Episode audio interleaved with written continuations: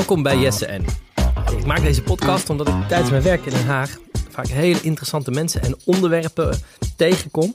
En dat zijn onderwerpen die niet altijd de headlines halen of maar heel beperkt. En ik vind het gewoon heel interessant om met hen door te praten en jullie met hen kennis te laten maken of met de onderwerpen. Deze week met Madeleine van de Nieuwe Huizen.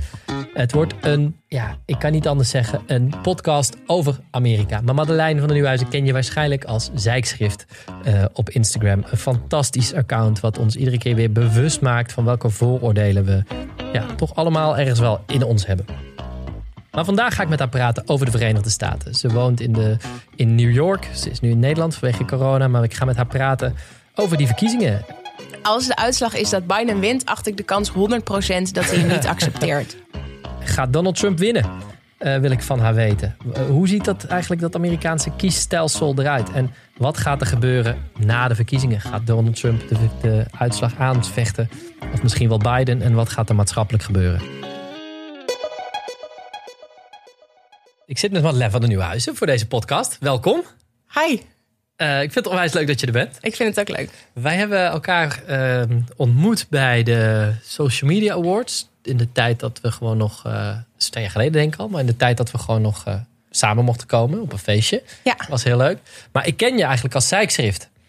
Uh, en dat is dat, wat ik zo goed vind aan die account, of wat ik daar echt is, dat het mij ook confronteert voortdurend met de, de bias die je, die je hebt. En het impliciete, vooral seksisme, wat je, wat je naar voren weet. En ik vind het zo knap hoe grappig je dat dat weet ja, hoe zeg je dat? Zonder dat ik grappig, maar niet zuur of niet veroordelend. Of, maar daarmee zo super confronterend dat je denkt: oh ja, dat is waar. Dit kan je, dit kan je niet menen dat je het zo opschrijft of dat, dat je het zo zegt. Of oh, zo had ik het misschien zelf ook wel gezegd, zoals het staat opgeschreven. En je daarmee confronteert. Dat vind ik echt, dat wilde ik gezegd hebben voordat we gaan oh, beginnen. Fijn. Super knap. Dankjewel. Uh, maar je bent niet alleen zijkschrift. Je bent, uh, je bent Madeleine van de Nieuwenhuizen, 28 jaar. En je geeft les in New York, aan de Universiteit van New York. Ja, eigenlijk een heel gespleten professioneel leven.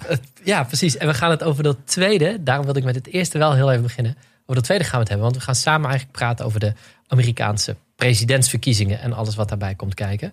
Maar eerst even corona. Je woont eigenlijk in de Verenigde Staten nu. Ja. Maar je bent hier hoe komt dat? Ja, ik, ik ben begin maart naar Nederland gekomen omdat ik uh, sprak tijdens de Women's March op het Museumplein in Amsterdam. En ik zou een weekje later weer teruggaan. Um, maar toen kwam de lockdown, bleef ik. En uh, ik ben daar weer gegaan met het idee: oh ja, nog even de planten water geven. Even nog mijn kleding opvouwen en netjes in de kast. En dan uh, ben ik over een week terug.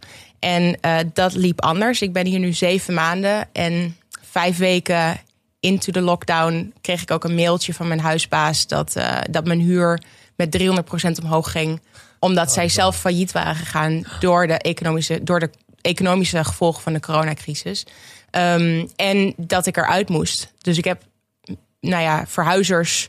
Uh, mijn, mijn spullen laten inpakken en in een loods laten zetten. Dus ik, ik zit hier nu zeven maanden. Het is nog altijd een beetje surrealistisch. Maar weet je, er komt ook een punt waarop je denkt: ja, wanneer wordt, wanneer verandert teruggaan eigenlijk in hier weggaan. Want je wortelt ook weer hier. Ja. Dus ik ben hier eigenlijk nu ook heel uh, gelukkig. Um, Had je hier nog een plek om te wonen eigenlijk? Nee, nee ik, zat, ik zat bij mijn vriend tijdens de, tijdens de eerste lockdown. Ja. En ik heb nu een, een uh, piepklein studiootje voor mezelf. Dat is ook wel fijn. Um, ja, dus op die manier weer een beetje aan, aan het heroriënteren dus je woont in Amerika, maar je hebt er geen huis. En je zit in de lockdown, zit je nu. Ja. Zit je nu, uh, zit je ja, heel theoretisch woon ik in de Verenigde Staten. Heel, ja. hey, um, uh, ik vind het heel leuk om met je te praten, want het is onwijs actueel om te praten over, uh, over de presidentsverkiezingen. Um, en ik begin gewoon gelijk met de vraag: wie gaat er winnen? Biden of Trump? Um, ja, die is heel erg lastig. Alle polls ja. en modellen laten eigenlijk zien dat, of stellen dat Biden heel erg voorloopt. Of um, genoeg voorloopt dat, er, dat sommigen er geen twijfel meer over laten bestaan. The Economist heeft bijvoorbeeld een model waaruit ze afdenken te kunnen leiden dat er 95% kans is dat Biden gaat winnen. Um, we zijn natuurlijk ook, of eigenlijk de Verenigde Staten is eigenlijk getraumatiseerd door 2016. Hoe dat misging met de statistieken toen. Iedereen dacht dat Hillary ging winnen, uh, Clinton. Um, en ja, politicologen zijn heel erg gaan nadenken: wat hebben we nou eigenlijk misgedaan in de polls toen? En voor een deel is dat dat ze uh, eigenlijk veel te weinig mensen zijn gaan ondervragen buitenstedelijke gebieden. Mensen met uh, uh, minder opleiding hebben ze er niet veel in betrokken. Um, terwijl dat juist heel veel mensen waren die voor Trump gingen. Maar ik weet niet hoe uh, betrouwbaar. Wat, wat, zegt je? Wat zegt je? Want dit is, ik, ik, dit is gelijk de wetenschapper. Maar ik ben ook gewoon gevo, ge, ik ben ook benieuwd naar wat is je gut uh, als gewoon iemand ja, die daar. Nou, oprecht. Ik bedoel, het is echt niet zo dat ik eigenlijk wel een gut feeling Nee? heb. Het is, het, mijn, gewoon- ik, heb, ik ben heel bezorgd. Ja. Ik ben heel bezorgd omdat um, zelfs al wint Biden de popular vote. Dus de popular vote, dat is simpelweg het meeste aantal stemmen in het land. Hillary Clinton won hem de vorige keer met 3 miljoen meer stemmen dan Trump. En toch, door het kiesmannenbestel, won Trump. Maar wat je dit keer hebt, uh, wat het allemaal compliceert, is dat er heel veel uh, stemmen op afstand worden, meer historisch veel, meer dan ooit door corona, op afstand worden uitgebracht per, per post. En daar zie je dus op, heel veel, op staatsniveau heel veel problemen al ja. uh, plaatsvinden. Dus, dus de, de reden dat ik niet echt volmondig antwoord op die vraag geef, is omdat zelfs als Biden wint, dan gaat Trump dat aanvechten, hoogstwaarschijnlijk. Daar gaan we het zo dadelijk allemaal over. Het was ja. flauw om te beginnen natuurlijk met deze vraag die onmogelijk te beantwoorden is. Ja. Maar ik denk dat dit is waar iedereen mee bezig is. In ieder geval ik zelf ja, ook. Ik denk dat Bernie Sanders wint. ja, je hoopt het. Ik hoop het.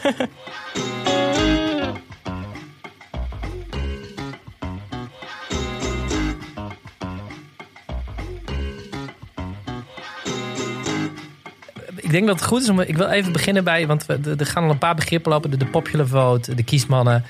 Dat Amerikaanse systeem. Ja. Dat, dat, dat, dat is natuurlijk een heel raar systeem. Ik denk terug aan Al Gore. Dat was voor het eerst dat ik ging snappen wat er nou gebeurt. Al Gore tegen George W. Bush. Ja. En Al Gore had meer stemmen. Dus meer Amerikanen hadden op Al Gore gestemd. Maar George W. Bush werd president. Misschien kan je even kort uitleggen. Hoe werkt dat eigenlijk in de VS? Ja. Um, ja, dat was inderdaad in 2000. Ik was zelf toen nog te jong om dat helemaal bewust mee te krijgen. Maar dat was inderdaad um, in onze mensenheugenis, zeg maar, de, de, de, de, de eerste keer dat. Um, dat het zo was dat de, dat de meerderheid van de stemmen naar de ene ging en toch de ander won. dat had toen te maken met dat, uh, dat, dat, dat er een hertelling geëist werd van stemmen. Want het, bij, in het geval van, van Gore en van Bush zaten die stemmen veel dichter bij elkaar. 587 of zo was het in Florida. Echt ja, zoiets, hè? Ja, echt, echt 500 en een beetje. Echt ja. heel weinig. In, in een aantal van die, wat ze dan noemen battleground, van die swing states, battleground states. Dat zijn dus de staten waar, waarbij het extra veel uitmaakt wie welke stemmen krijgt. Of wie de hoeveelheid stemmen krijgt. Um, in het geval van Hillary en uh, van, van, uh, van uh, Clinton en Trump. -hmm. Was dat een verschil van 3 miljoen. Maar bijvoorbeeld in een belangrijke staat als Florida was het verschil slechts, slechts 77.000. Ja. Relatief heel weinig. Nou, hoe dit dus heel kort gezegd werkt, is.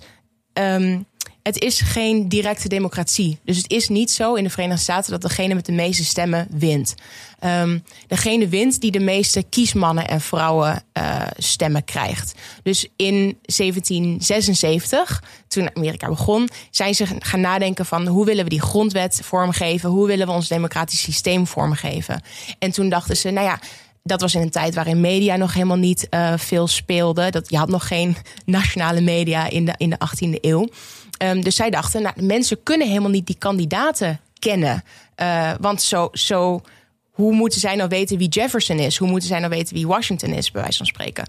Um, dus we moeten een set mensen hebben die hoog opgeleid zijn, die wijs zijn, een soort van de de, de, de wijze filosofen.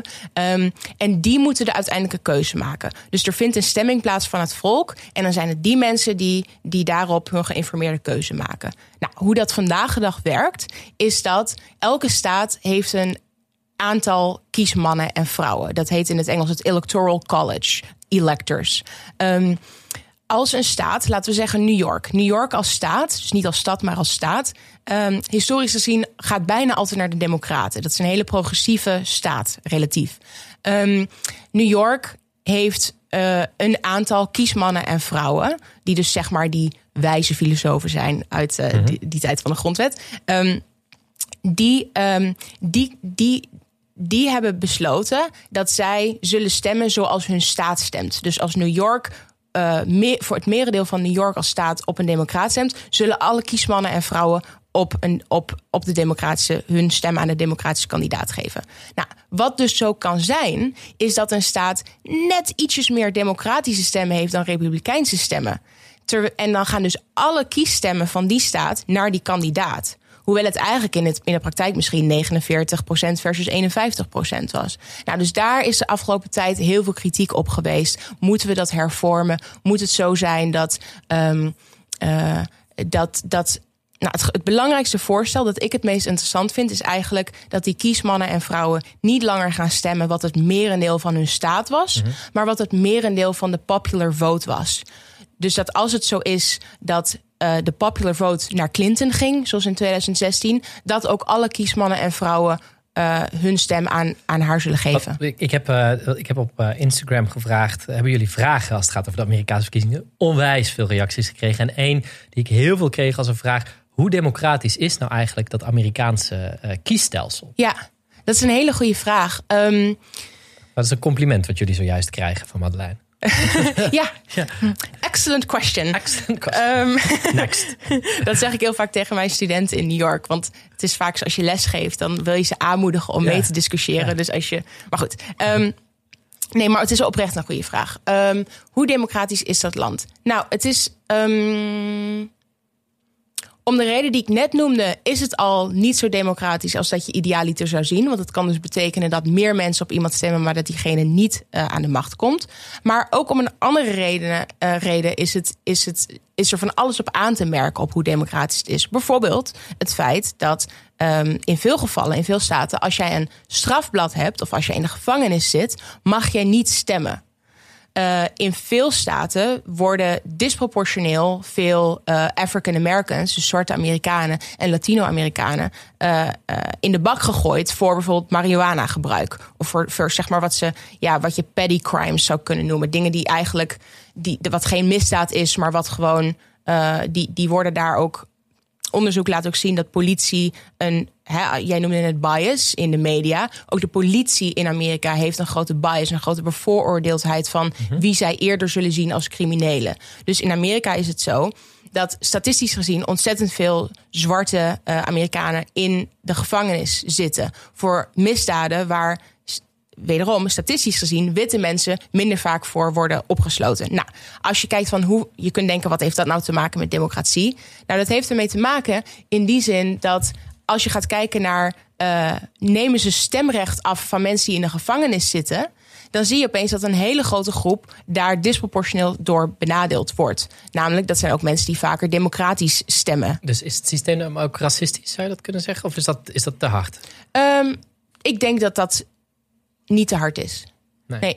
Alleen moet je vervolgens zelf specificeren wat je bedoelt met een racistisch nou systeem. Kijk, wat, wat, wat, je ziet, of, eh, er worden, zijn nu uh, uh, mail, in mailvoting. Dat betekent dat, dat je via de post kan stemmen. Dat gebeurde altijd al, maar nu is dat veel groter vanwege corona. En je ziet het aantal ballots wat dan wel of niet wordt goedgekeurd. Zie je nu al eerste cijfers over als ik het, als ik het goed voorbij zag komen. Dan zie je dat van mensen met, een, een, van met Afro-Amerikaanse mensen, dat daar veel meer wordt afgekeurd. Hm, ja. ja, het is. Het is um, ik ben daar zelf nog niet ingedoken. Dus daar durf ik, durf ik nog niet iets over te zeggen. Maar um, het is eigenlijk. Het is, het is zo dat op. Um, ja, dus misschien, is dat, misschien voert dat iets te ver. Maar als je kijkt naar hoe kiesdistricten verdeeld worden uh, in Amerika. dan wordt daarbij wordt, wordt dat de afgelopen jaren door dat noemen ze gerrymandering. Wordt dat, dat kun je wel, als je daar meer over wil weten, moet je even gerrymandering googlen. Um, dat is, gaan we, dan gaan we het ook nog. Dat is, dat is zo leuk. Het is verschrikkelijk. Maar dan gaan we het. Je moet je voorstellen. Je kan je het niet voorstellen als je in Nederland leeft. Hè? Want hier is het gewoon. Uh, one man, one vote. Dus je gaat naar de stembus, je brengt je stem uit en de partij met de meeste stemmen, dat wordt de grootste. En dan ga je coalitie sluiten. Nou, daar werk je met districten. En wat er iedere zoveel jaar gebeurt, is dat de, de, de lijnen, de, de, de grenzen van die districten, die gaan ze zo proberen aan te passen. Dat, uh, dat er zoveel mogelijk, dan wel republikeinen, dan wel democraten in zo'n district wonen. Want de winner takes it all. Uh, en daarmee kan je gewoon door die kaart anders te trekken, kan je hele gebieden en hele stad, kan je ervoor zorgen dat die altijd in, in bezit blijven van jouw partij. Ja. En dat vind ik zoiets dat dat kan. Dat vind ik zo bizar. Ja. En misschien wel even goed, winner take all betekent dus dat als je een meerderheid hebt binnen zo'n district, dat dan het hele district naar die, Precies, naar ja. die kandidaat Dus gaat. even, stel je voor dat Amsterdam een dis- district zou zijn. eh, en die heeft kiesmannen of vrouwen. Eh, wij waren daar de vorige, bij de vorige verkiezingen waren wij de grootste. Zouden wij al die zetels van, Amst, van Amsterdam. Die zouden dan voor GroenLinks zijn. En nu Ja. werkt het zo dat de VVD had die stemmen. En het CDA had stemmen. En de Partij van de Ar- En iedereen krijgt gewoon zijn eigen afvaardiging. Ja. Maar En, en Ja, en daar is het dus zo. Stel, er zou een soort buitenwijkje zijn dat net buiten Amsterdam officieel zou vallen. En eh, de heersende, heersende partij die aan de macht is, zou dat kiesdistrict mogen herverdelen. En die zouden net het, het lijntje van de grens van de stad om die wijk trekken. Dus die, sta, die wijk zou er opeens binnenvallen.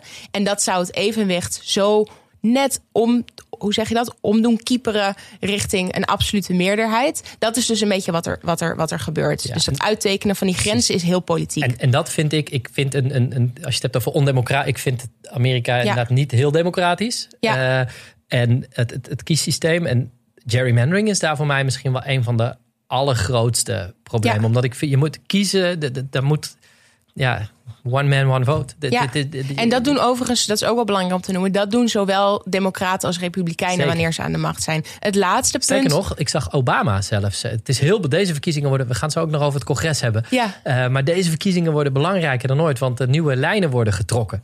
Eh, waarmee ze eigenlijk zeiden, laat ons die lijnen nou trekken, want dan doen we het voor de volgende tien jaar weer eventjes veilig, eh, Ja. veilig stellen. Dus Ja, want dat is dus telkens op basis van de census. Dus de census is de. de, de telling van Jozef en Maria naar, naar Bethlehem. Ja. telling van de- het aantal mensen. van het aantal mensen. Ja, en de, de, eh, mm, om die vraag, om het laatste Over punt. de census gaan we het ook nog hebben. Dat is heel relevant. Ja, ga verder. Man, we hebben twee uur nodig, ben ik bang. Ga verder.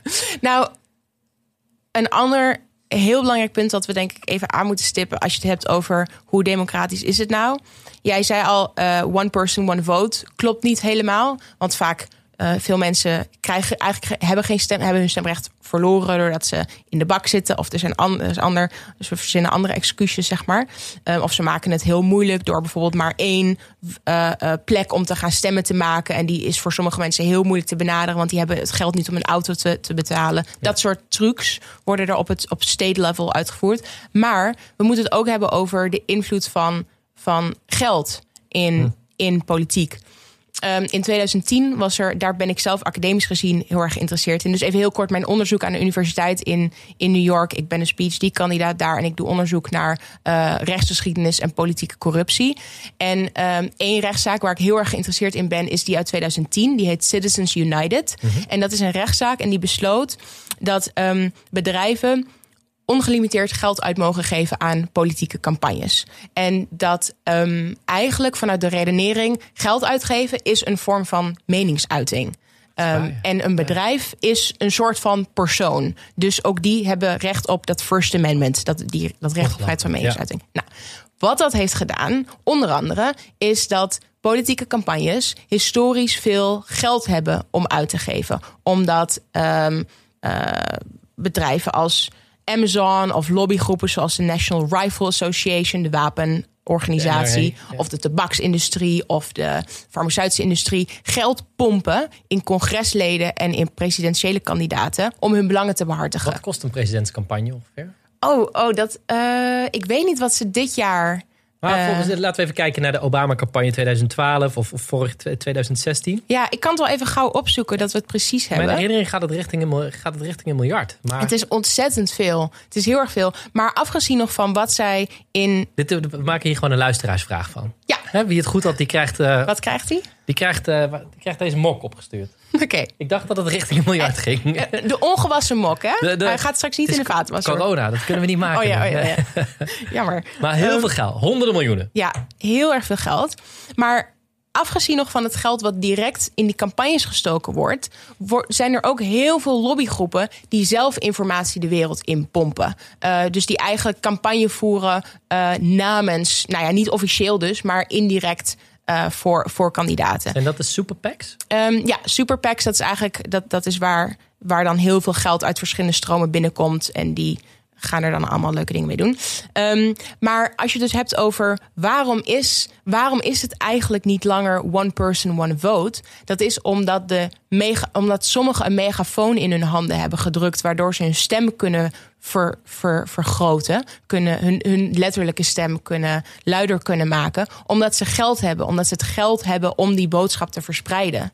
Um, dus democratie is niet altijd. Je kan, een, je kan een in theorie democratisch systeem hebben. Je kan in theorie het zo laten zijn dat het inderdaad de popular vote leidend is. Maar dan alsnog moet je kijken naar wat zijn nou dingen die indirect maken dat sommige stemmen meer waard zijn dan andere. En hoe kijk je, je had het over deze rechtszaak. Ja. Uh, want deze, de, de, hoe kijk je daar? Want is dat nu even voor mij? Kijk je nu naar de uitspraak die er toen is gedaan dat het mag? Of is er een rechtszaak aanges weer opnieuw dat die zegt dit moet niet kunnen? Die rechtszaak in het uh, Supreme Court, in het Hoge Rechtshof, heeft toen bepaald dat dat vanaf nu mag. Ja. Um, en waar ik geïnteresseerd in ben, dus ik, ik ben historicus. Um, dus ik ben geïnteresseerd in hoe zijn we daar eigenlijk uitgekomen in de Verenigde Staten. En, uit, en dat is een beweging die eigenlijk terug te dateren valt naar de jaren zeventig. Met de opkomst van uh, ja, eigenlijk een, een uh, ja, neoliberalere manier om te kijken naar economie, maar ook naar politiek. Dat is de, de, het decennium waarin de opkomst van lobbygroepen is een intrede doet in Washington. Um, waarin mensen eigenlijk meer en meer geld gaan zien als een middel om hun politiek doel te bereiken. Ja, 70. Dus dan zitten we bij president Nixon. Ja, ja, en eigenlijk na die, na die Nixon-campagne krijg je mensen die hè, door Watergate, dat schandaal van Watergate, krijg je mensen die heel uh, uh, ja, proberen om, um, om, om, om bedrijven meer, uh, meer, op te, meer regels op te leggen. Maar je ziet dat het gaandeweg dat het, nou ja, wat dan culmineert in 2010 met Citizens United die kant uitging. Um, ja, dus er zijn allerlei krachten aan het werk in de VS die, die tornen aan die democratische principes.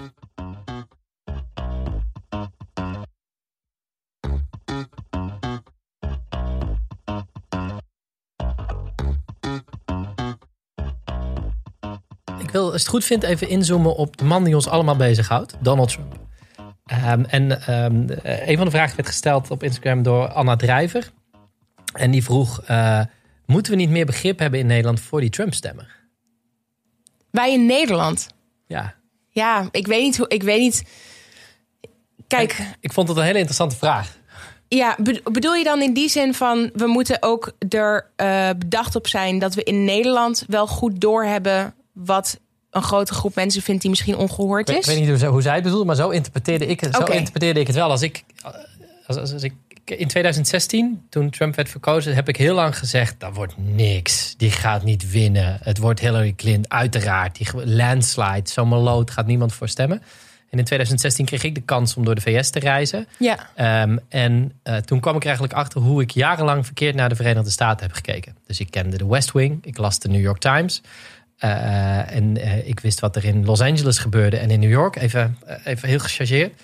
Maar daartussenin zit, zit het heartland van, van uh, de, de, Amerika. Het, het, het, overfly country noemen ze het. De, flyover, ja. Flyover country.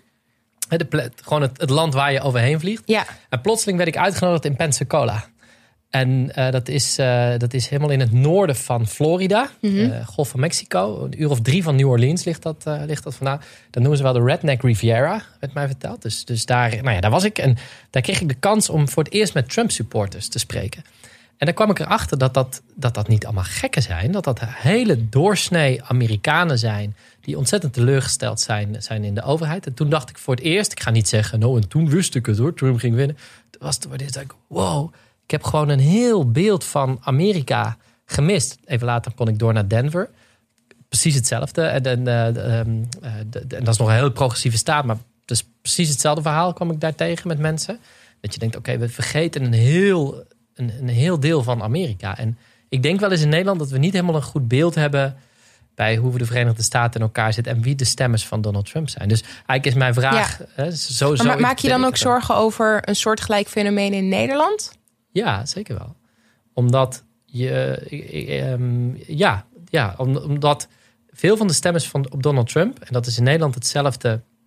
Uh, Nee, ik heb een heel mooi boek gelezen naar aanleiding daarvan, The White Working Class. Uh, ik ben even de naam van de auteur, kwijt. Met zijn, ze is feministe en, en ze heeft uh, heel, nou, heel lang daar allerlei studies naar gedaan. En, Hochschild?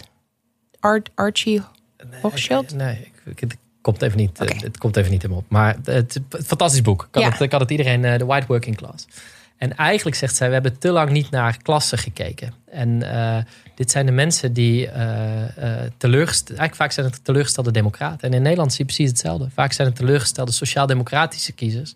die uiteindelijk op de PVV, eerst naar Pim Fortuyn en daarna op de PVV zijn gaan, zijn gaan stemmen. Dus die democraten hadden, zijn er niet goed genoeg in geslaagd om die, die, werkende klasse te vertegenwoordigen. En dat zagen we in 2016 in die Rust Belt. Ja. Die staten in, in het noorden van Amerika, Michigan onder andere, uh, met veel fabrieken, staalindustrie, auto-industrie. Waar, waar, ze het vertrouwen hadden verloren. En Hillary ja. Clinton niet, niet vertrouwde. Ja, en wat fascinerend is natuurlijk, is dat die mensen feitelijk tegen hun eigen belangen in hebben gestemd. Um, want dat zijn mensen, dat is inderdaad working class mensen. Uh, het zijn mensen die worstelen met een economie die steeds meer overgaat op robotisering. Uh, mensen die, die, die, die, die worstelen met, uh, met unemployment in sommige regionen. Um, die zijn niet gebaat bij een president die uh, niet alleen financieel gevoed wordt, wordt door corporate interests, dus door, door grote bedrijven, maar daar ook zijn hele leven al zelf in beweegt. En daar, daar vandaan komt. En dan He, ze zijn gevallen voor, voor die retoriek van draining the swamp. Ja. Maar hij is de swamp. Hij Ja. wordt gefinancierd door de swamp. Als we de swamp even definiëren als uh, perverse prikkels vanuit, vanuit bedrijfsleven bijvoorbeeld. Dat, dat klopt, maar wat ik denk dat we wel hebben onderschat, en dat is dus de vraag, en daar ben ik wel benieuwd, hebben wij, moet, moeten wij niet Ja. meer begrip hebben voor die Trump-kiezer en waarom ze het, Ja, waarom, nou, ze, wa- waarom, ze het, waarom ze het doen? Wat we in elk geval niet moeten doen, is eh, deplorables noemen. Zoals Hillary Clinton in Zoals Hillary 2016 Clinton in deed. 2016, de, bas, de famous basket of deplorables. O- toen dacht ik echt, jij gaat verliezen. Ja, was dat voor Ja. jou het moment? Ja, want ik, ehm, ik verhuisde naar de Verenigde Staten. Die om een, eh, ik heb eerst mijn master aan Columbia University gedaan. voordat ik mijn PhD eh, ging doen aan de universiteit waar ik nu zit. Maar ik verhuisde naar New York ehm, de zomer van 2016. Dus ik heb nog een staartje. Een heel mooi staartje. eh, Obama meegemaakt voordat het Ja. eh, richting. eh, niet dat ik nou de grootste fan van Obama politiek gezien ben per se. Maar ehm, het was in elk geval een civielere tijd om, om het zacht uit te drukken. Ehm, maar goed, ik zag dus die, die, die eerste, die, die, die laatste stappen van die campagne van Clinton en Trump.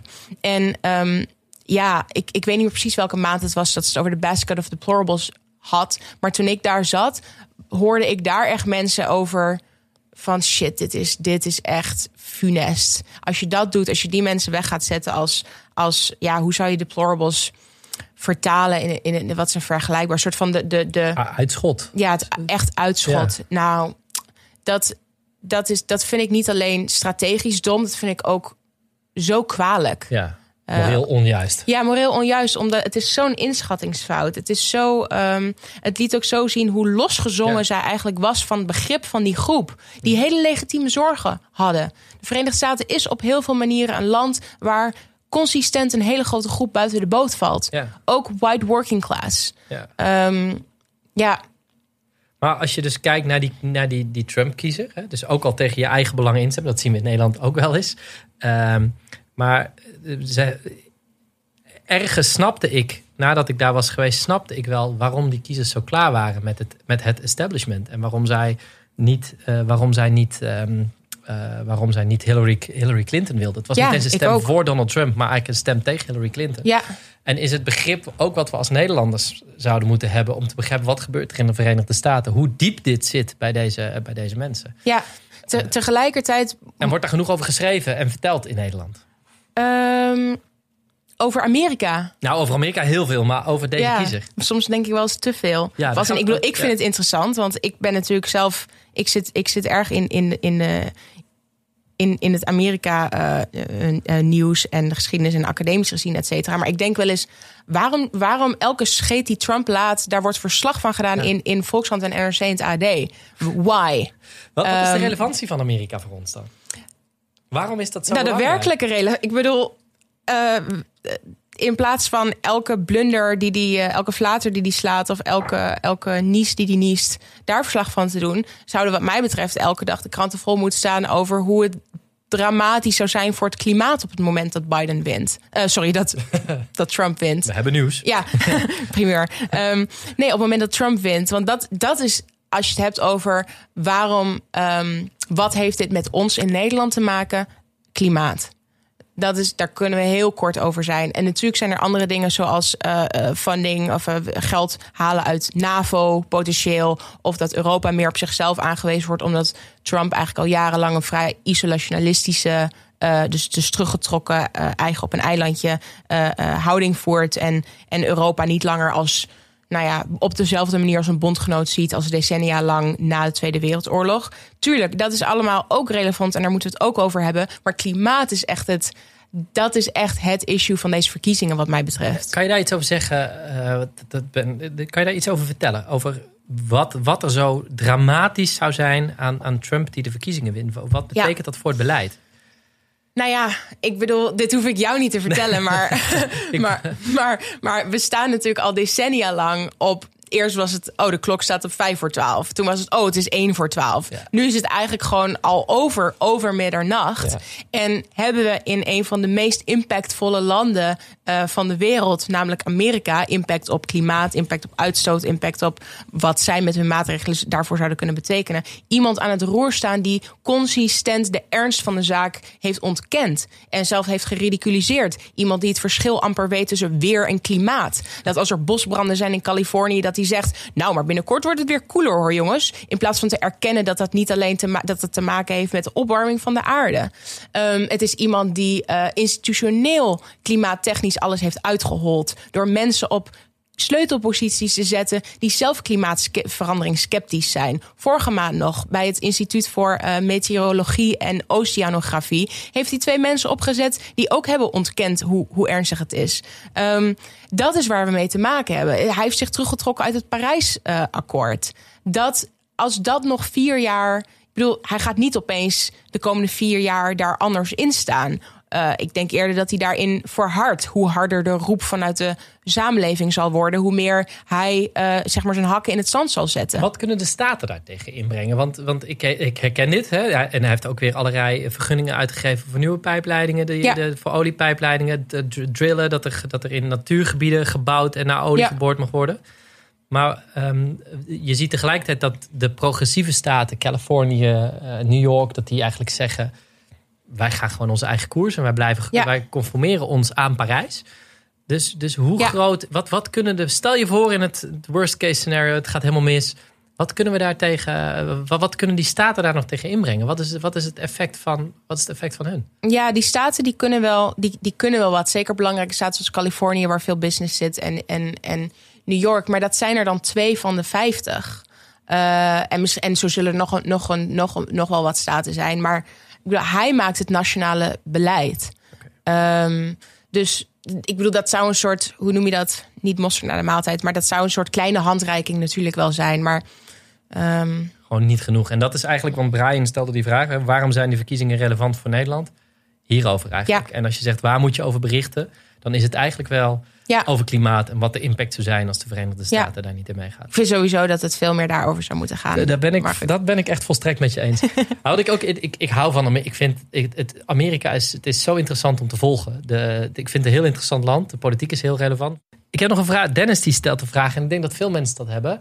Uh, waarom blijft er niks aan die Donald Trump kleven? Ik zag via Instagram laatst de speech van. Uh, Obama, dat hij zei: um, uh, Trump heeft een geheime Chinese rekening. Moet je je voorstellen dat ik dat zou hebben gehad? Uh, in 2012 bij mijn herverkiezing. Ja. Dat, zou, dat zou niet geaccepteerd ja, Fox News zou helemaal los zijn gegaan. Hij zei toen van, they would have called me Beijing Barry. Beijing Barry, ja. ja.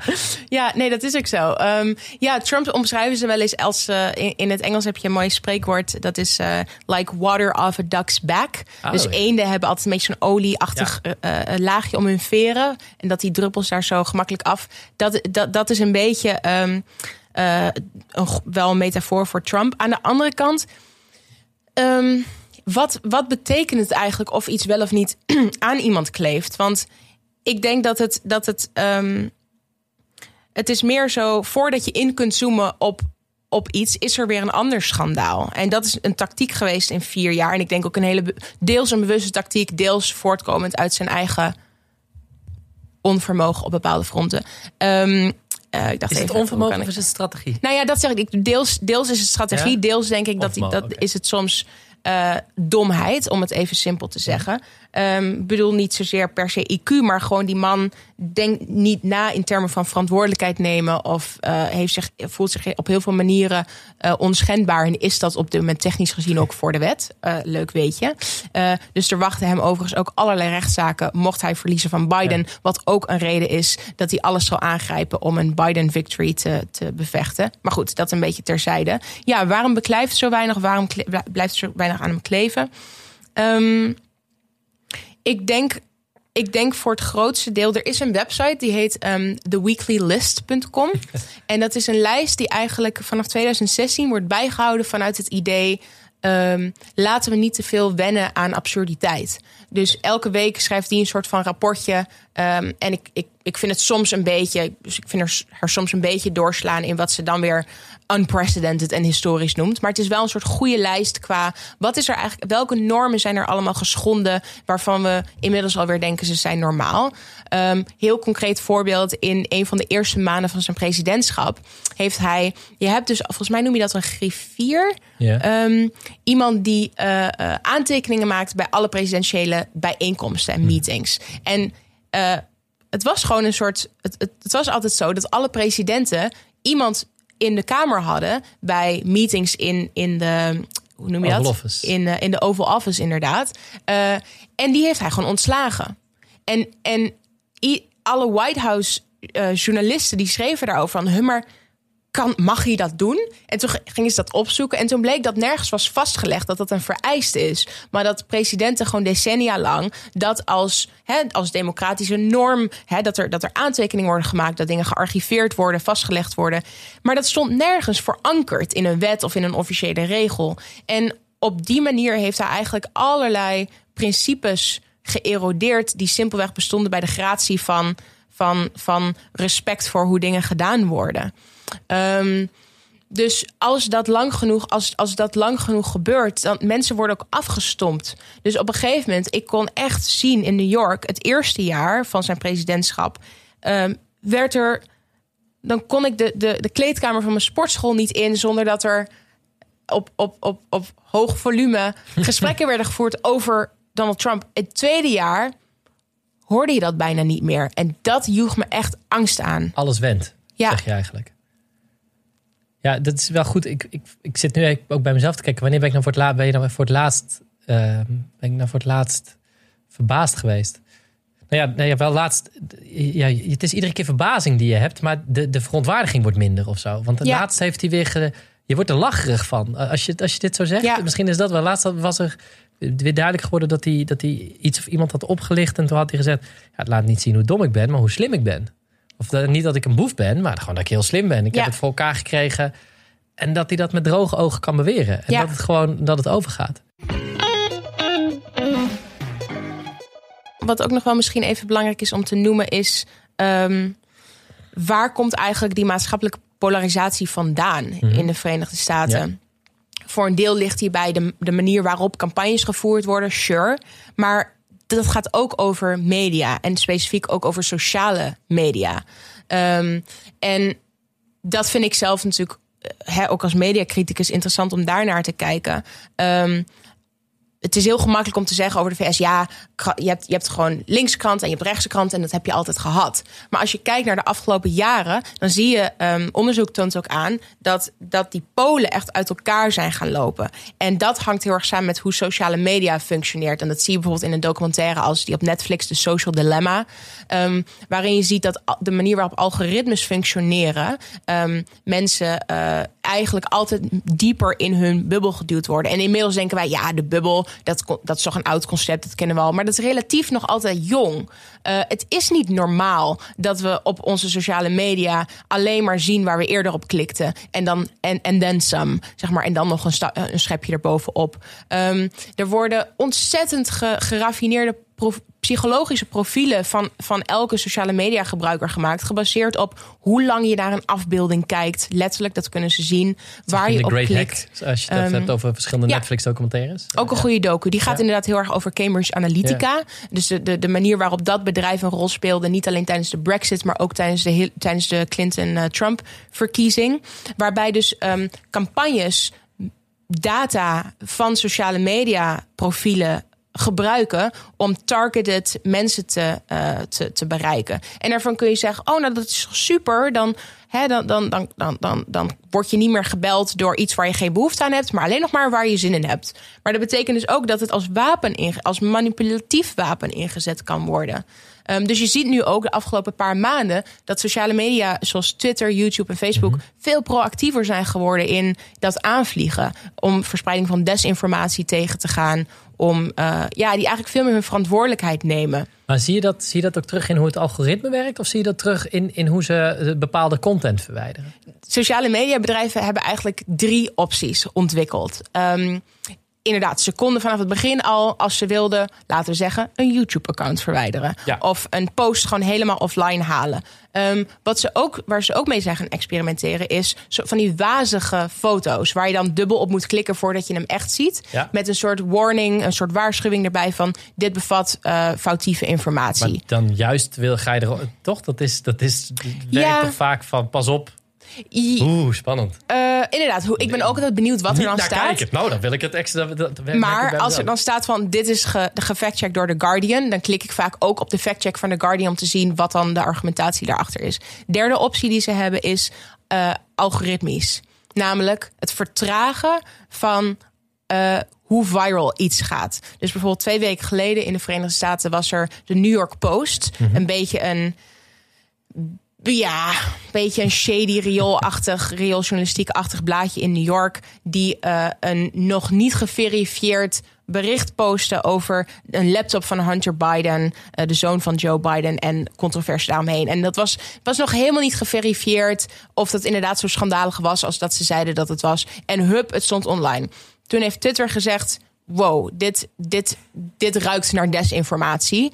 Um, of op zijn minst misinformatie. Het verschil is, desinformatie is um, uh, bewust misleidende informatie. Misinformatie kan ook gewoon een foutje zijn. Ja. Maar goed, één tool wat zij dus hebben, wat ik fascinerend vind, is dat zij, kunnen dat zij de verspreiding kunnen vertragen. Net als dat zij uh, algoritmes in werking hebben, waardoor dingen super viral kunnen gaan. En waar, waarbij ze bijvoorbeeld zeggen van: oh, deze hashtag is binnen een uur zo vaak gebruikt, ja. die gaat nu in trending. Daar, zo kunnen ze ook het omdraaien en zeggen: ja, we zien nu een beetje een, een hashtag die, die ons niet helemaal, uh, niet helemaal goed lijkt. Daar lijkt iets mee aan de hand te zijn. Die gaan we even niet in trending zetten. Als je hierover nadenkt, ik bedoel, dit, Um, als je het hebt over democratie, dus we gaan even ja. terug naar die vraag van hoe democratisch is Amerika. Je kunt dat op de ene manier kun je kijken naar hoe democratisch zijn de instituties, hoe democratisch zijn stemmen verdeeld, maar ook wat is de impact van derden in de ideeënmarkt of in de informatiemarkt. Uh, en daarin zijn die bedrijven een steeds grotere rol gaan spelen. En wat je conservatieven ziet doen, uh, republikeinen ziet doen, is zeggen: nee, dit is censuur, want bovenmatig veel conservatieve stemmen worden onderdrukt bovenmatig veel van de desinformatie komt ook uit de rechtse hoek. Uh, democraten aan de andere kant, die zeggen steeds meer, die, die zijn eigenlijk opgelucht dat er eigenlijk in tegenstelling tot 2016 eindelijk iets gedaan wordt aan die verspreiding van desinformatie. Um, maar dat wordt echt dat wordt super interessant. Want stel, er is een scenario waarin ergens tussen nu en komende week dinsdag uh, er iets gebeurt op sociale media waarvan Twitter en Facebook zeggen: jongens, jongens, nee, dit is, dit is volgens mij niet in de haak. Dit is een georchestreerde campagne voor desinformatie. En ze besluiten dat uit de lucht te halen. Dan is dat ook weer olie op het vuur van Trump, waarbij hij kan zeggen: Ik ga deze uitslag niet accepteren, want er is gerommeld met de informatieverspreiding in de VS. Ik wil eerst een onafhankelijk onderzoek. Want die vraag is ook heel vaak gesteld. Hè? Hoe groot uh, acht jij de kans, Bas onder andere zei dat, hoe groot acht jij de kans dat Trump uh, de verkiezingen niet erkent? De uitslag ervan. Als de uitslag is dat Biden wint, acht ik de kans 100% dat hij hem niet accepteert. Oké, okay, wacht even. De, de, de, ongeacht, uh, wat je kan verschillende scenario's hebben. Dus, ja. dus jij zegt 100%. Ik moet ook, ik moet ook, ik moet wel als voetnoot daarbij plaatsen. Niet accepteren betekent niet per se dat hij hem niet, um, dat hij, dat hij, dat hij per definitie een onderzoek eist. Er is ook een scenario waarin Biden met zo'n grote landslide ja. meerderheid wint. Dat Trump gewoon zegt dat hij wel dat hij het laat gebeuren, dat er een machtsoverdracht plaatsvindt, maar dat hij naar zijn achterban zal blijven communiceren. I think these, these elections were rigged. Uh, met andere woorden, dat er mee gerommeld is. Dat het, uh, dat, Ja. dat het uh, niet in de haak was. Maar ik denk dat de kans heel groot is dat hij wel een onderzoek wil gaan instellen. Als Biden wint. En een onderzoek betekent dan even, eh, want hoe dat dus gaat. We gaan weer even terug naar het begin van het gesprek. Ja. Waarbij we die verschillende staten hebben. Eh, eh, de, de, eh, de kiesmannen en vrouwen die, die daar zijn, zijn gekozen. In iedere staat kan die, een, kan die om hertelling vragen. Zoals dat in 2000 met Bush en, eh, en, en Gore gebeurde. Wat ik interessant vond om even terug te gaan. Ik weet nog goed, het ging echt over vijf, echt heel weinig stemmen in Florida. En Gore heeft uiteindelijk gezegd: ik ga dit niet pushen. Eh, want we moeten het, het, het vertrouwen in de democratie, wat mensen in de democratie moeten hebben, in een, in een machtsoverdracht die eh, eh, vreedzaam is, dat is zo groot, dat is zo belangrijk. Ik ga dat niet doen. Ja, Ik vraag me wel eens af, wat als hij dat nou wel had gedaan, hadden we dan de war in Irak gehad? En ja. hoe had de wereldgeschiedenis er dan uitgezien? Weet je wat daarbij ook mee speelde? Nee. Als we het dan ook, Ja, ook over media hebben.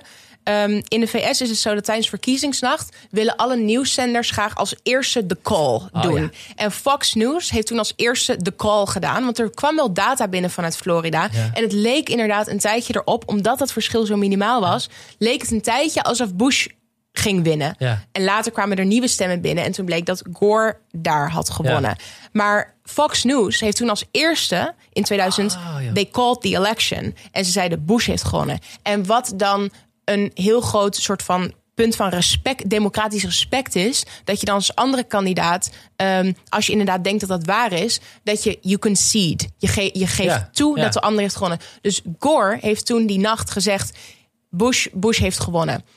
De volgende dag zei hij: eh, Jongens, er, er is nieuwe informatie en die was er ook. Ja. Ik, die heeft Bush weer opgebeld. Dat was nog nooit gebeurd in de geschiedenis. Nee. En heeft gezegd: ehm, ik, ga, ik leg me er toch nog niet bij neer. Nee. Dat was al funest voor zijn reputatie. Dat gaf Republikeinen al zoveel ani- zeg maar, munitie in handen om te zeggen: Oh, die, die Democraten maken er een spelletje van. Dus toen dat gedoe met die stemmen was, heeft Gore uiteindelijk gezegd: Oké, oké jongens, dan maar Bush. Dus die heeft eigenlijk, he took a bullet Ja. eh, voor de Voor de democratie. ja, precies. Nou, dat gaat, dat gaat Trump, dat weten we, dat, dat, daar durf ik ook 100% op te zeggen. Ja, Maar het is een case, hè, na- naarmate het verschil heel klein is in die verschillende swing states, zal hij het daar gaan, gaan aanvechten. Als het een landslide is, zie ik hem er ook voor aan dat hij het gaat doen. Welke methode heeft hij, dat bedoel ik niet alleen juridisch, kan hij in het Witte Huis blijven? Dus eh, waar ik mee zit, het scenario waar ik, dit is de vraag die ik zelf heb ingestuurd, waar ik mee zit. stel je nou voor, hij gaat dit aanvechten. ja, Ehm, en hij wordt gewoon niet in het gelijk gesteld. Want het blijkt met vier stemmen heeft Biden gewonnen. Maar vier stemmen is nog steeds een, eh, een, een, meerderheid. Eh, maar hij zegt gewoon, ik, ga, ik verlaat het Witte Huis niet. Ik ga het gewoon niet doen. ja. Er is een hele spannende podcast Ja. van Radiolab. Ja, Ehm, die heet What If. oké. En die podcastaflevering heeft, eh, die gaat over de verschillende scenario's. Mhm. En eigenlijk eh, vier scenario's. Eén, een landslide victory voor Biden. Twee, een landslide victory voor Trump. Eh, drie, ambiguë resultaten. Eh, volgens mij waren het er drie. Het waren, het waren die drie. Am, ambiguë, resul, oh nee, ambiguë resultaten dat Trump net iets voorstaat... en ambiguë resultaten dat Ja. Biden net iets voorstaat. En die hebben ze eigenlijk allemaal doorlopen. En dat is veel te lang om nu... maar dat is een leuke luistertip als je dit interessant vindt. Wat daaruit blijkt, als je die scenario's echt doorwandelt... ehm, wat gebeurt er nou als, als Trump genoeg heeft om twijfel te zaaien. In zowel, eh, kijk, het Senaat is republikeins. Dus die zullen sowieso achter, achter hem staan. Of Ja, maar de Senaat kan veranderen. Nog. ja, Senaat, Senaat kan veranderen. Maar hij heeft politiek gezien. Ik bedoel, de Republikeinen hebben het politiek op dit moment Zeker. die erg hebben voor het zeggen. uitjes, Ja. Dus die zullen, die zullen, er moet wel iets heel geks gebeuren. Hij moet wel heel irrationeel zijn. Wil de partij hem laten vallen in zijn aanklacht. Ja. Ehm een van die scenario's gaat ook over wat gebeurt er nou als die kiesmannen en vrouwen er niet uitkomen? Wat gebeurt er nou? Er is een scenario waarin het naar het Supreme Court gaat. Ja. Eh, net als eigenlijk in, in 2000, waarbij het Supreme Court uiteindelijk moet besluiten: moet er wel of niet een hertelling plaatsvinden? En zo ja, hoe gaan we dat dan doen? Nou, Al Gore zei toen er tijd: hertelling in het land. Nee, dat is gewoon funest voor de democratie. Dat erodeert het vertrouwen in onze instellingen. I'll concede. Ehm, ik denk niet dat Trump dat inderdaad gaat doen. Dus het is, er is een scenario waarin het Supreme Court daarover moet gaan beslissen. Er, er is een scenario, kleine kans, maar toch dat de Joint Chiefs of Staff van de military uiteindelijk daarover over moeten gaan beslissen. Hebben die daar een positie? Uh, die, ja, die hebben, ook, die hebben ook een positie. Want uiteindelijk, uiteindelijk ik bedoel niet, niet direct, niet in de grondwet, niet Nee. volgens officiële, maar als er. ehm, als er uiteindelijk overeen moet worden gekomen over wie de uiteindelijke stemming moet gaan doen, zijn er gewoon verschillende manieren waarop dat kan gaan uitspelen. Eh, als hij weigert het Witte Huis uit Ja. te gaan, is het niet uitgesloten dat het, dat, dat, dat, eh, dat het leger hem daaruit moet verwijderen. Is dan het leger die hem eruit zou moeten Ik, dit, is echt een, dit is een extreem scenario hoor. Maar als die man daar op zijn stoel in het Oval Office blijft zitten, zal iemand hem daar weg moeten halen. Dat gaat niet een lokale police officer doen. nee. maar het laatste punt, wat misschien wel interessant is, is: we gaan volgende week nog geen uitslag hebben. Eh, we gaan niet de dag na de verkiezingen een uitslag hebben. Er zullen nog ontzettend veel stemmen geteld worden die binnenkomen van voting by Ja. mail. Ja. Die moeten allemaal nog meegenomen worden. Tenzij er volgende week al een dusdanig absurd grote eh, overhand van een van de twee is, dan misschien. Maar er, het is veel realistischer dat, dat, we, dat dit nog wel één, twee of drie weken zou kunnen duren voordat we het weten. We focussen nu op Trump die het eh, gaat aanvechten, 100%. Hoe groot is de kans dat Biden het gaat aanvechten? Ehm, ik denk dat. Volgens mij heeft Biden gezegd in een interview dat hij de uitkomst van de verkiezingen zou respecteren. Ja, hij kan nu niet anders zeggen, maar gaan de Democraten in, in nog een keer zeggen van nee, die, die gaan zich die erbij neerleggen? Die gaan nu toch Ja. ook, die gaan toch ook knokken? Die gaan toch ook alles aanpakken? Democraten gaan niet zo vaak op de vuist. Of niet zo snel op de vuist. Nee, maar zou dit niet Ehm, een moment in de geschiedenis zijn waar er zoveel op het spel staat? Ik Je had het al je- over het klimaat. Ja. Dat als, je, als er een gerede kans is om die man uit het Witte Huis te krijgen, Ja, eh, dat, dat zal, het dat, het zal niet officieel komen vanuit de partij. Er zal ontzettend veel burgerprotest zijn. Ja. Ben je bang voor een. eh, de, de- je hebt, nou ja, de vraag is wanneer ga je terug? Ben je bang voor, voor iets als een, een burgeroorlog in de VS? Waarin, als, als ik de beelden zie van de gewapende milities Ja. eh, die, die rondlopen.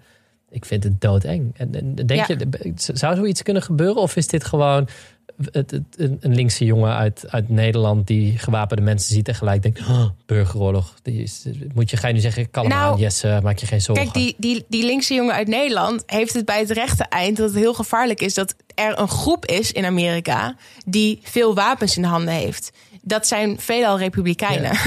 dus Ja. ehm, de reden dat ik in New York me relatief veilig voel, is omdat daar een veel strikter wapenbeleid is. Daar lopen niet veel mensen met guns Nee. rond, behalve de politie zelf. Die ook al op een andersoortige manier eh, eh, in sommige gevallen een gevaar vormen. Maar dat is een ander verhaal. Ehm, burgeroorlog zie ik niet meteen gebeuren. Ehm, ik denk wel dat je lokaal geweld gaat krijgen. Dat die kans groot is. Op welke Maar die, kan, is dat die, het die, logisch? kans is ook heel groot als Biden wint. Ik bedoel, Ja. wie er, Het is zo gepolariseerd. Het, Het is- maakt eigenlijk niet. het is heel emotioneel. Ja, Ja. Hey, en, en misschien wel juist als Biden wint, overigens. Dat, dat, is, dat denk eh, ik, ja. Niet als Trump wint, maar want het- ja. ik, ik, ik sloeg net aan op die census en hoe interessant ik dat vond. Wat ik echt pas in 2016 leerde. Ik was toen in de Verenigde Staten en ik wilde iets snappen over het ehm, wapenbezit. Van waarom zou je dat nou in vredesnaam willen? En ik werd naar een, gebracht naar een eh, vrijwillige brandweerkazerne, kazerne met vrijwillige brandweer. En van de Amerikanen. En die haalden, hadden allemaal wapens op, op, bij zich. Ik doodeng. Moet ik heel eerlijk zeggen. Ja. Ik bedoel, ik werk in de Tweede Kamer en er staan heel veel beveiligers zijn Ja. daar met allemaal wapens. Maar ook heel veel, heel veel staten waar gewoon op de supermarkt. Hè, wij hebben dan Ja. hier op de supermarkt een mondkap van. Je mag je hondje niet mee naar binnen Nee. nemen. En daar staat dan, zijn dan stickers van. Je mag je wapen niet mee naar binnen nemen. Je echt denkt: oh my god, ben ik dan het meest veilig in de Albert Heijn van Texas? Ja, ja, nou ja dat, is, dat, dat, dat, dat is heel raar. Maar wat, wat ik, en, en wat ik daar zag met die mannen, die, liet, dus die, hadden, die droegen het zichtbaar, hadden ze die wapens eh, eh, daar. Zeiden ze, hou maar vast. Het enige wat ik dacht, nee, straks is het gebruikt in een overval. En dan staat mijn, hand, mijn, mijn vingerafdrukken erop. En dan komt dit land nooit meer uit. En dan zit ik in zo'n Mooi hoe je gelijk, zeg maar, de- gelijk naar de nucleaire. gelijk, gelijk escaleren naar de nucleaire optie. en toen haalde zo'n, het was net na de Orlando shooting. En ik had het over die AR-15, dat, de, de assault rifle. En die zei, ah, het is geen assault rifle. En die haalde dat uit, zijn, uit de achterklep van zijn auto. En zei, kijk, dit is het. En toen vroeg ik ze, waarom, Ja. waarom... Ik snap, help me. Weet je, dat je dit een fijne sport vindt. Of dat je eh, wil jagen. Of allemaal dingen wat ik me niet per se kan Ja. voorstellen. Maar Tot daar aan toe. tot aan toe. Maar waarom? Waarom is dit een, een mensenrecht? En toen zei hij: ik vertrouw de federale overheid niet. En ik moet me kunnen verzetten tegen die federale overheid. Waarop ik moest lachen in eerste instantie. Ik zei, maar je bent toch van bewust dat zij tanks hebben en Apaches en uh, de Joint Strike Fighter. Dus die gaan toch winnen? Nee, het gaat om het principe dat ik naar Washington moet kunnen marcheren en het moet kunnen opnemen tegen de federale overheid. Ja. En dat zit zo diep. Toen kwam het ook over de census. Ze hebben daar dus, dat wist ik niet, maar geen centrale basisadministratie. Omdat ze de overheid gewoon niet vertrouwen. Dus de Amerikaanse overheid moet gewoon één keer in de tien jaar, geloof dat het eens in de tien jaar is, gaan tellen wie er allemaal in dat, hoeveel mensen er in het land leven. Ja. Ik, ik was daar heel erg van geschrokken, maar ook van, van, van dat hij zei: we hebben wapens nodig om ons te kunnen verzetten tegen die overheid. Ja. Dat voor mijn gevoel, en misschien overdrijf ik het nu, de grens om geweld te gebruiken tegen de staat maar heel dun is. Op het moment dat ze denken, dit land wordt ons afgepakt. Ja, nou, uh, kijk, historisch gezien is het natuurlijk zo dat er veel meer gevallen te noemen zijn van de staat die geweld heeft gebruikt tegen de burgers. Ik ben op zoek naar geruststelling. Uh, dan de, nou, geruststelling misschien in die zin dat ik, ik begrijp dat als je het zo formuleert, dan denk je inderdaad, wow, gelooft, gelooft eigenlijk niemand in de overheid? Of heeft iedereen een soort van uh, XXL wantrouwen?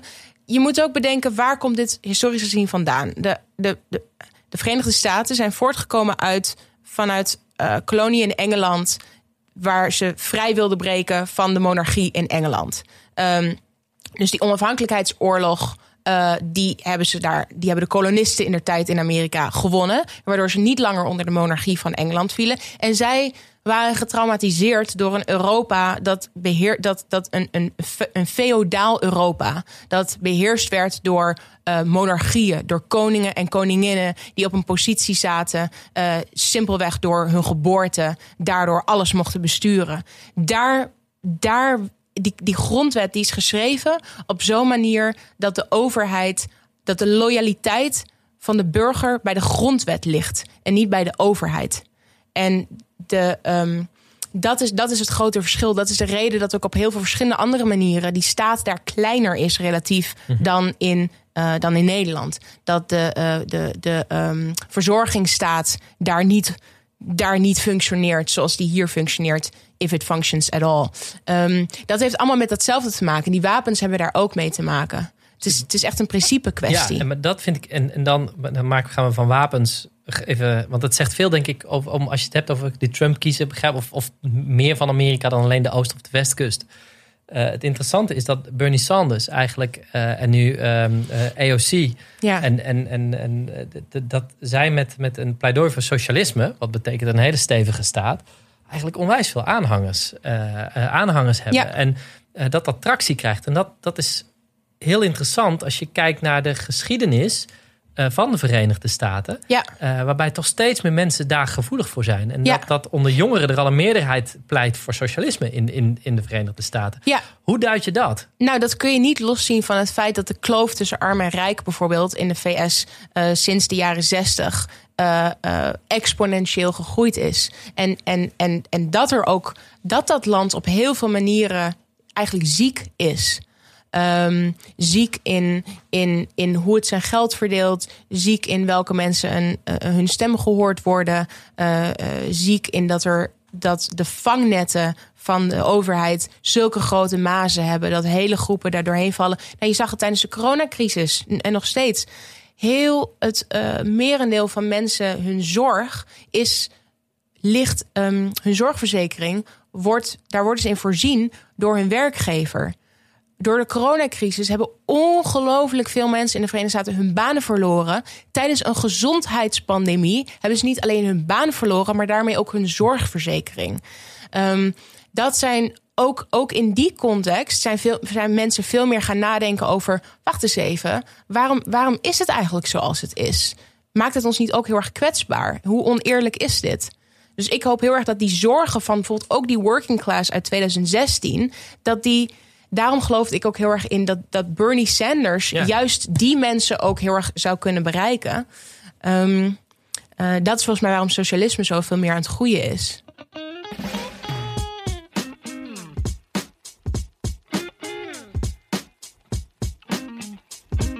Bernie Sanders, gaan we toch even, gaan we toch nog heel even. Ik vind het fantastisch wat hij doet. Maar ik moet heel eerlijk zeggen, als ik op een gegeven moment kon je kiezen uit, en dat zeg ik met heel veel respect, wat, maar ze zijn wel een beetje oud.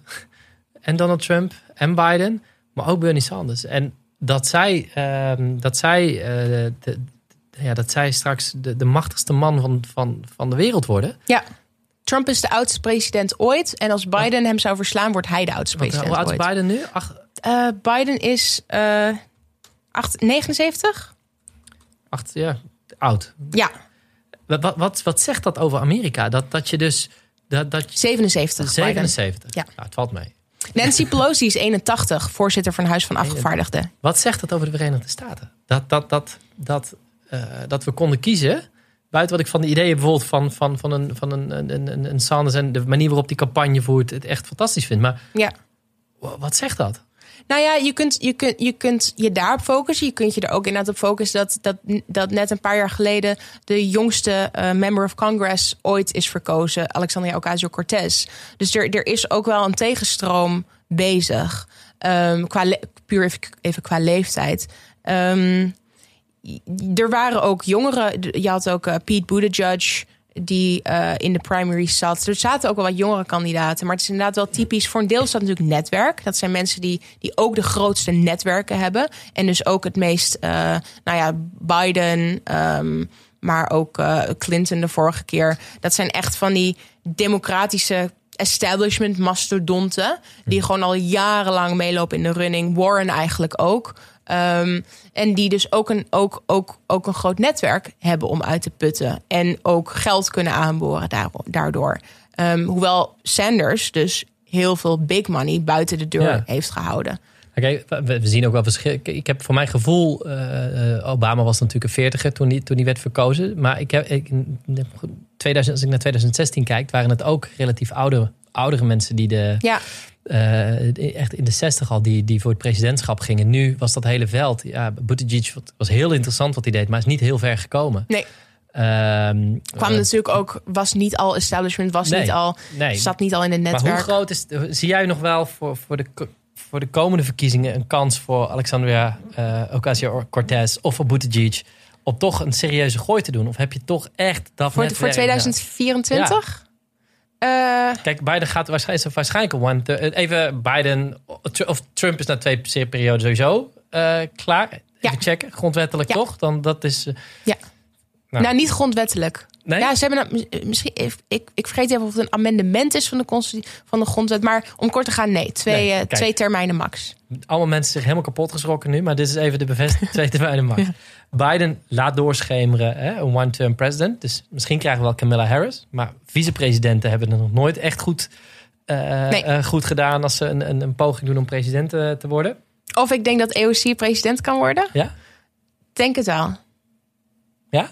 Ja, Denk je het of hoop je het? beide. Ik vind dit gewoon een hele mooie afsluiting. Want ik, ik, ik hoop, ik hoop eh, ontzettend met je mee. Dankjewel. En ik hoop dat je ook weer eh, terug kan naar Ja. de Verenigde Staten. En eh, heel veel dank voor het gesprek.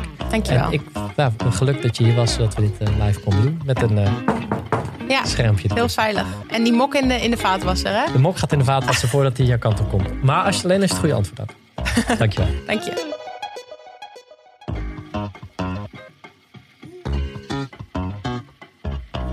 Dit was een gesprek met Madeleine van Nieuwenhuizen. Eh wat ik eh, heel interessant vond, is het, het hele brede perspectief dat ze gaf. Hoe ze teruggaat in de geschiedenis naar de oprichting van de Verenigde Staten. Ehm, en daarmee heel veel duidt over, over wat er gebeurt. Het was een, een, een kort gesprek, net zo lang als alle andere, maar waarin volgens mij heel veel informatie aan, aan de orde is gekomen. Ehm dankjewel. En, en wat ik meeneem is, is ja, dat volgende week dus inderdaad waarschijnlijk geen uitslag, directe uitslag is. Dat er nog lange tijd onzekerheid zal zijn over wie de verkiezingen heeft gewonnen en wie de volgende president van de Verenigde Staten wordt. Ik dank aan mijn gast Madeleine van de Nieuwe Huizen en dank aan Dag en Nacht Media voor de productie. Laat een reactie achter op iTunes en wil je de hele uitzending met beeld zien? Kijk dan op mijn YouTube kanaal. Abonneer je op deze podcast in je favoriete podcast app, zodat je geen enkele aflevering mist. Dit was Jesse en tot de volgende.